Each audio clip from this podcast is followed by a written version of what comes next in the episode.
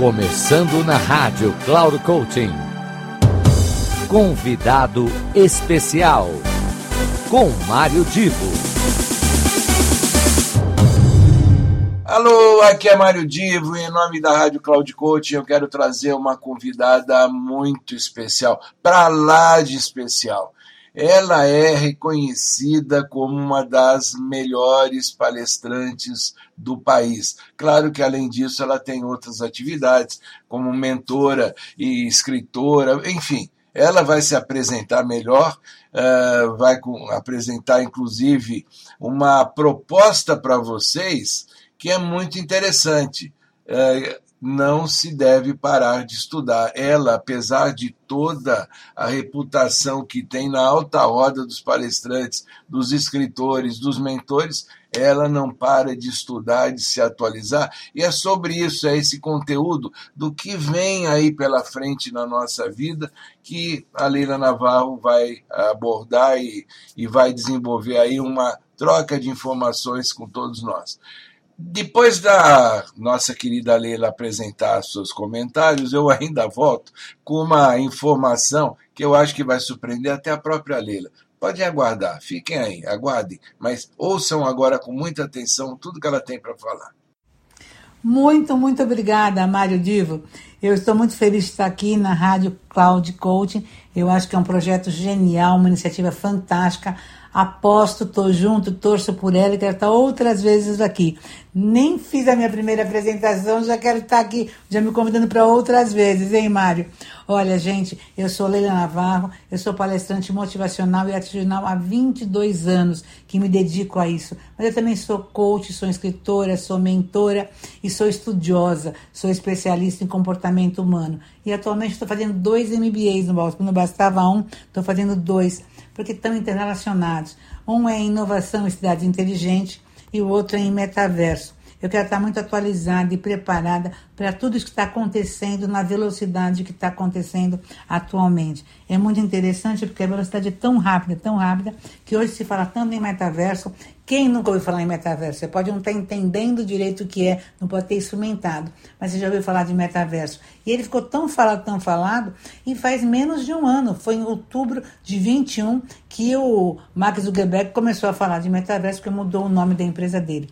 Ele não criou o metaverso, mas ele começou a usar o termo, a provocar o termo, e as pessoas se interessarem por uma coisa que já estava acontecendo. No fundo, o grande interesse, o que nós temos que estudar, o que nós temos que aprender, o que nós temos que estar antenados, que não é uma tendência, já é uma realidade, nós estamos vendo um momento de transição, é o Web 3.0, que ela vai vir muito disruptiva, de uma nova maneira de a gente se relacionar, de trabalhar, Vai ser uma coisa assim incrível. Eu acho que uma das grandes diferenças da Web 3.0 é justamente o ecossistema e a descentralização. São coisas que a gente não consegue nem explicar. Por quê? Porque a gente não sabe direito como vai ser. Todo mundo está falando de metaverso, todo mundo está falando de tudo isso, mas a gente não sabe direito como vão ser as coisas. Mas tem coisas que já estão acontecendo, como blockchain. Você sabe o que é blockchain? Você usa blockchain? Às vezes você já está usando na sua própria empresa, já está usando em outros sistemas, em outras coisas que você participa, mas você não tem claro o que é o blockchain. E o blockchain já é uma Web 3.0, já é uma forma descentralizada de a gente poder estar registrando as coisas que nós vamos registrar. Então nós temos que estar preparados para poder estar falando com as coisas, né? A internet das coisas, a inteligência artificial é uma coisa que vai ser uma coisa que vai, ser, que vai estar no nosso cotidiano, no nosso dia a dia. E isso eu não estou falando para provocar medo, porque na realidade eu falava assim, nós estamos vivendo um momento caótico, nós estamos vendo o caos, nós estamos vendo a incerteza, nós temos que saber navegar nas incertezas. Hoje eu não falo mais em ter certeza, eu falo que nós estamos vivendo um momento apocalíptico. E apocalipse não quer dizer que é o fim do. Apocalipse quer dizer que é revelação. O significado de Apocalipse é revelação. Vamos tirar as vendas, vamos ficar mais conscientes, mais claros, mais preparados, mais adultos, né? Assumindo cada um a sua própria realidade, assumindo seus talentos, a sua individualidade, porque a Web 3.0 ela vem o quê? Ela vem para isso. Ela vem para deixar você cada vez mais individual, mais criativo, mais poderoso da sua própria propriedade intelectual. Tem coisa boa por aí, tá bom? Aguardem. E se esse assunto te interessa, se você quiser conversar mais comigo, você pode entrar nas minhas redes sociais.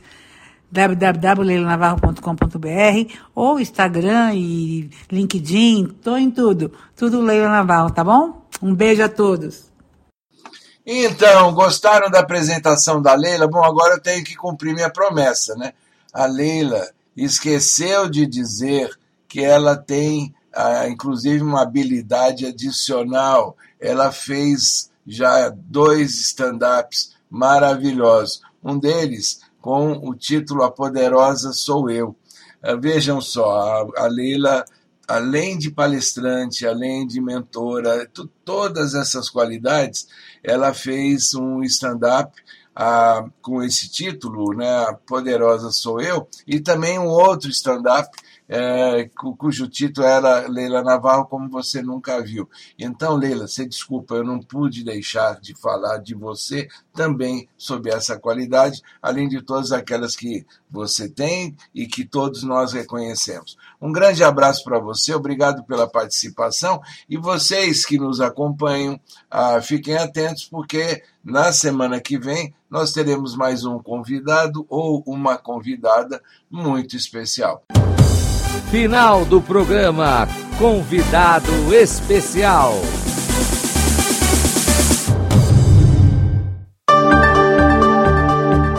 Se ligue!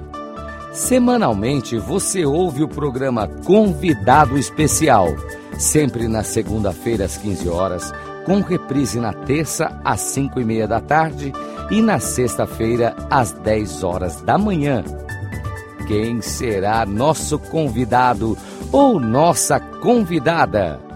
A surpresa é nossa e a revelação e apresentação de Mário Divo, sempre aqui na Rádio Cloud Coaching. Acesse nosso site radio.cloudcoaching.com.br. Confira toda a programação e baixe nosso aplicativo na Google Store. Rádio Cloud Coaching, conduzindo você para o sucesso.